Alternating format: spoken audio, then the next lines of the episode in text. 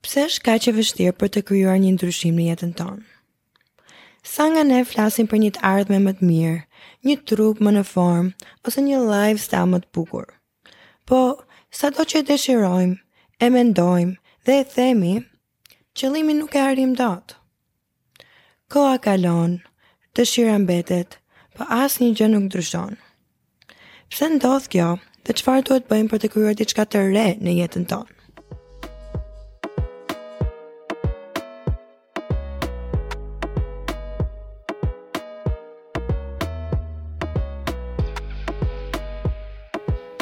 Përshëndetje Beautiful Soul. Mirë se erdhe te podcasti Aulona Alchemy. Qoftë se ndodhesh këtu sot, nuk është rastësi. Të ka sjellë sinkronizimi i universit dhe dëshira jote për të manifestuar jetën e ëndrrave të tua. Kam zgjedhur ta filloj podcastin me këtë temë sepse duke parë se sa boom është bërë në botën e zhvillimit personal, natyralisht lind pyetja. Pse kemi nevojë të ndryshojmë? Pse kemi nevojë të mendohemi kaq shumë për çfarë po bëjmë? Pse nuk vazhdojmë ta shijojmë jetën ashtu siç është, pa i komplikuar gjërat kot? Gjithë tema e zhvillimit personal mund të duket intimiduese ose thjesht si një humbje kohe. Por, fakti mbetet që shumë prej nesh nuk po jetojnë kualitetin e jetës që dëshirojnë. Të informohemi se si ta përdorim mendjen, trupin dhe shpirtin tonë për të na shërbyer në arritjen e qëllimeve tona është gjëja më çliruese që ne mund të bëjmë. Humbja e kohës reale është të shpenzojmë energjinë në një mënyrë të painformuar dhe thjesht të shpresojmë që rezultati i duhur do na shfaqet një ditë. Knowledge is power. Dija është fuqi. Dhe arsyeja pse kaq shumë njerëz janë bashkuar kësaj lëvizje është sepse ata shohin rezultatet tek miqtë e tyre, bëhen kurioz për vete dhe po krijohet një domino effect. Atëherë, sot do fillojmë me themelin e transformimit tonë. Do kuptojmë pse është e rëndësishme të ndryshojmë dhe në çfarë mënyrë. Për shembull, ju që më ndjekni në Instagram mund ta keni vënë re që kam ndryshuar stilin e flokëve. po, nuk e kam fjalën për ndryshime sipërfaqësore. Sot po flasim për të bërë një ndryshim në mënyrën se si mendojmë, sepse gjithçka në jetën tonë fillon në mendjen tonë. Në episodin e sotme do të diskutojmë modalitetet biologjike në trupin tonë që janë faktorë të mëdhenj në procesin e manifestimit. Pak të njohuri, procesi i manifestimit duket si një proces magjik, si një abrakadabra. Prandaj shumë njerëz e refuzojnë të gjithë konceptin. Në fakt, gjithmonë është kështu. Kur dikush nuk e kupton një teknologi të re, I duket mistike. Imagjinoni nëse do i kishit dhënë një iPhone dikujt në vitin 1923. Me siguri, ai do habitej dhe pa njohurinë e përparimeve në shkencë, ai do kishte supozuar se është gjë magjike. Imagjinoni t'i kishit treguar një dating app si Tinder. Me siguri do i kishte rënë të fikët. Në mënyrë të ngjashme, në kohët antike, grekët mendonin se shiu ishte shkaktuar nga zoti Zeus. Po, me kalimin e kohës, shkencëtarët mësuan se cilat mekanizme biologjike shkaktojnë shiun. Shkencëtarët e kanë kuptuar këtë koncept kaq mirë saqë tani ekziston teknologji që jep njerëzit aftësinë për të shkaktuar shi. A ju besohet që njerëzit mund të kontrollojnë motin? Unë, kur e dëgjova këtë për herë të parë, dhe mua m'u duk si një abrakadabra e pabesueshme. Po, është e vërtetë dhe e kam parë vetë përdorimin e saj në Dubai. Kjo teknologji quhet cloud seeding dhe përdoret në Dubai shpeshherë për të sjellur shi në shkretëtirë. Mund ta googloni cloud seeding. Pika këtu është që ajo që na mistifikonte kur na mungonin njohuritë, mund të kuptohet duke përdorur shkencën dhe mund të shfrytëzohet për më të mirën tonë. Kjo është arsyeja që unë do ndaj me ju disa neuroshkencë themelore sot. Pas kësaj episod, koncepti i manifestimit ose arritjes e qëllimeve tona do fillojë të kthehet nga një abrakadabra mistike në një proces biologjik që është e bazuar në shkencë. Ata që kanë durimin dhe kuriozitetin për të kuptuar se si mendja dhe trupi jonë ndikojnë në jetën tonë, janë njerëzit që do kenë sukses. Kjo episod bazohet në librin Becoming Supernatural, që në shqip përkthehet të bëhesh njeri i mbinatyrshëm, nga Dr. Joe Dispenza. Dhe tani do ju jap një citim nga autori. Pse kaq shumë prej nesh presin kriza, trauma, sëmundje, diagnoza, tradhti, madje edhe humbje të vendosim të ndryshojmë? Ne mund të mësojmë dhe mund të ndryshojmë në një gjendje dhimbje dhe vuajtja, ose mund të mësojmë dhe të ndryshojmë në një gjendje gëzimi dhe frymëzimi. Cilën do zgjidhni ju?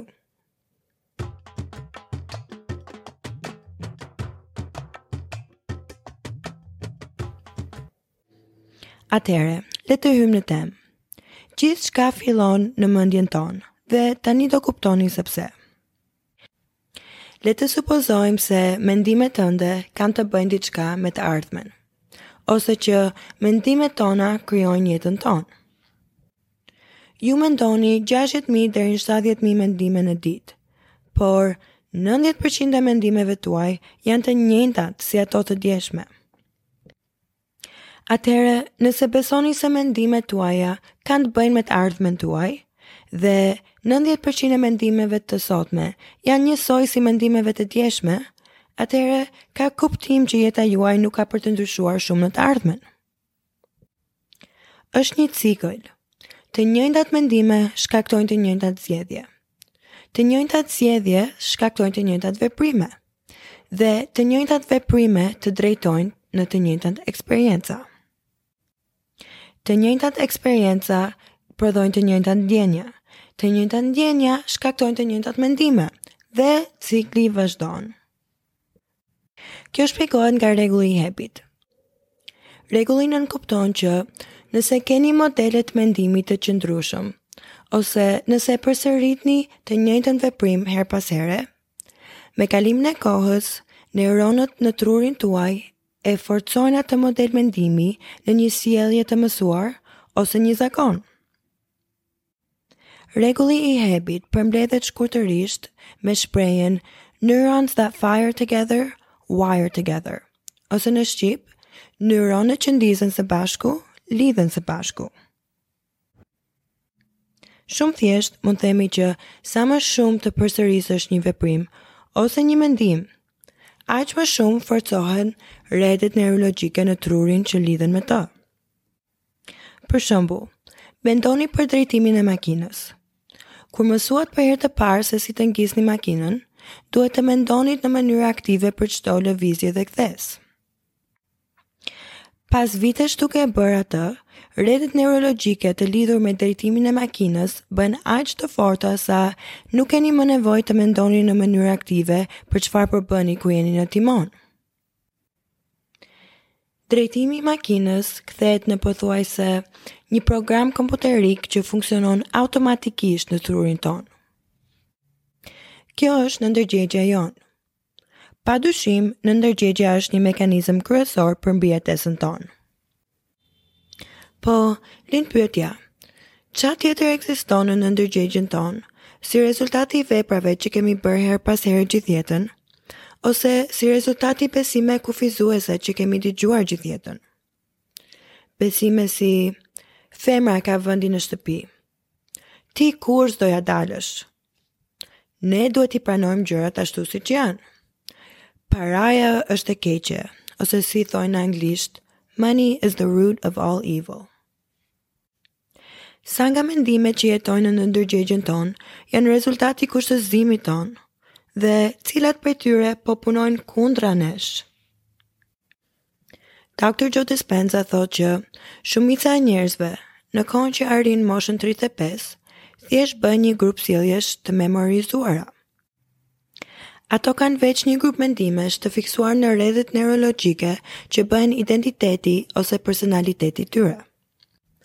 Kjo është rezultati i përsëritjes së të njëjtat mendime dhe sjellje, për aq kohë sa shumë prej veprimeve të tyre shkaktohen në mënyrë të pandërgjegjshme nga programi i trurit të tyre. Këta njerëz jetojnë në ciklin e zakonit që është shkas, rutinë, shpërblim. Do jua shpjegoj ciklin e zakonit tani. Dhe besoj kur ta dëgjoni, ju mund të mendoni për shembuj në jetën tuaj, se të gjithë kemi zakone, qoftë të mira ose të këqija. Atëherë, gjithmonë ka një shkas. Kjo është kujtesa që sinalizon një rutinë. Rutina është zakoni që mund të jetë i mirë ose i keq. Dhe pastaj vjen shpërblimi, reagimet pozitive që mbyllin ciklin. Do ju jap disa shembuj të kësaj cikli. Shembulli i parë. Shkaku. Bie alarmi juaj i mëngjesit. Rutina. Ngriheni, përgatiteni dhe shkoni në punë. Shpërblimi. Heqja e ankthit që vjen nga mungesa në punë. Shembulli i dytë. Shkaku. Jeni jashtë duke pirë kafe ose jeni të stresuar ose sa keni ngrënë një vakt të madh. Rutina. Ndizni një cigare.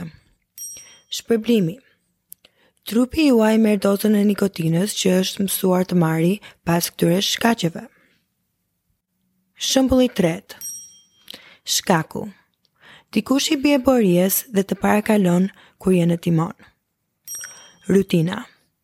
Në çast, filloni të bërtisni dhe ta ofendoni shoferin tjetër, pavarësisht se ai nuk ju dëgjon dot. Shpërblimi. Ju i lëshoni emocionet tuaja të zemëruara.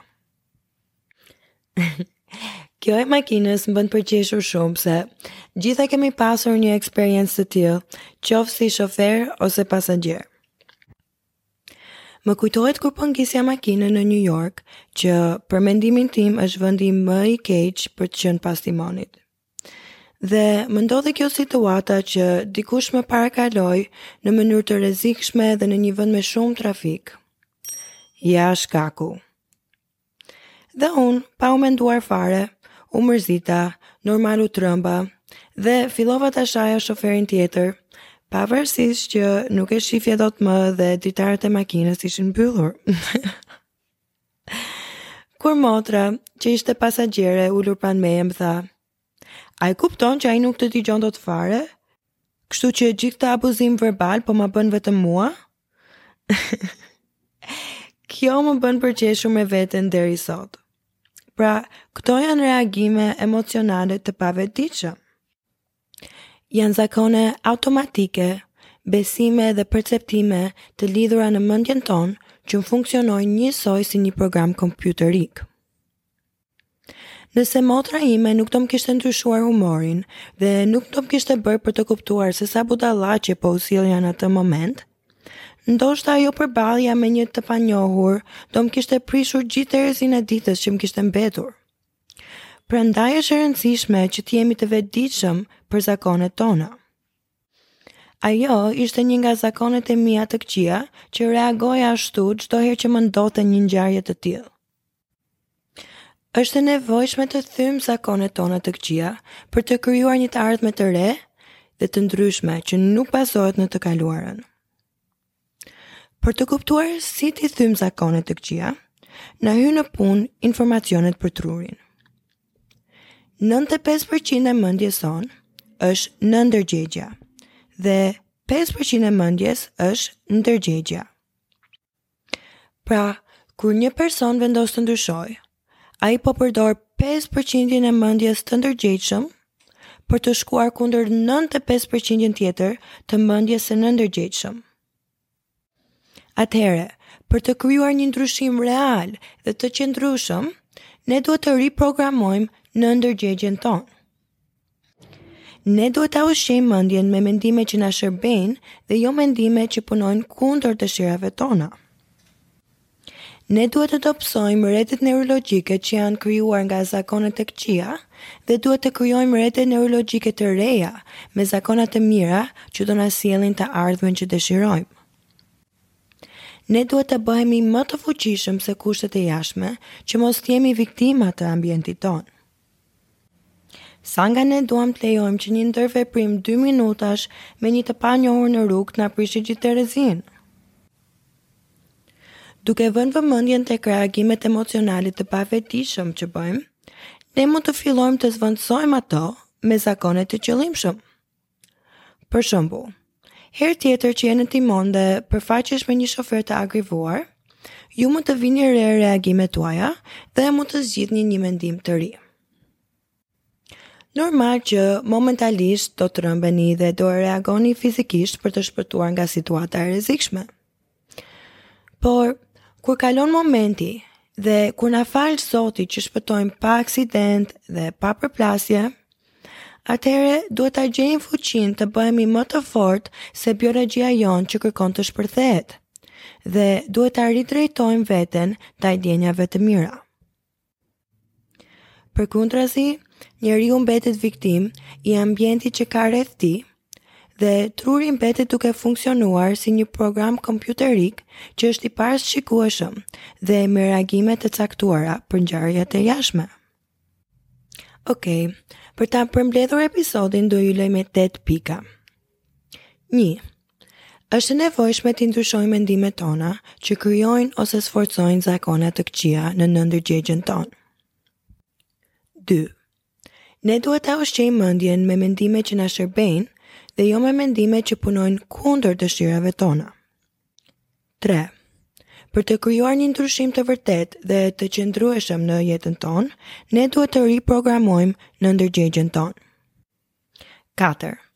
Ne duhet të jemi të kujdeshëm për çfarë mendojmë dhe çfarë bëjmë vazhdimisht, sepse mendimet dhe sjelljet e vazhdueshme formojnë nënndërgjegjen tonë. 5. Duhet të bëhemi të vetëdijshëm për zakonet e mendimet tona dhe e bëjmë këtë duke e vëzhguar veten. Madje, e bëjmë duke i bërë pyetjen vetes. Çfarë më është thënë në fëmijëri apo gjatë jetës sime që ndoshta nuk është e vërtetë? Çfarë historish të vjetra po mbaj shumë afër meje dhe po i përsëris? A janë histori që dua t'i mbaj afër zemrës si kujtimet e paraardhësve të mi? Apo janë histori dhimbjesh që mund t'i lëshoj se kuptoj që nuk më shërbejnë më për asgjë dhe sidomos për t'i përsëritur zakonisht? 6. Për t'i dhënë një shembull, një person që është rritur që në fëmijëri me besime kufizuese si paraja përdoret vetëm për keq, e ka këtë ide të programuar në nënndërgjegjen e tij.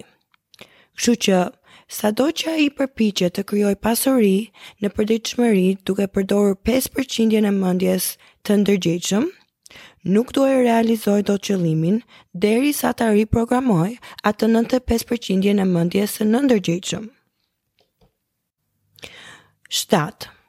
Procesi i manifestimit ose i realizimit të qëllimeve tënde nuk është një abrakadabra magjike pa sens ose veç një trend Është një grumbullim mësimesh nga të gjitha disiplinat, si historia, biologjia, kimia, filozofia, fizika, spiritualiteti dhe më shumë. Dhe tetë.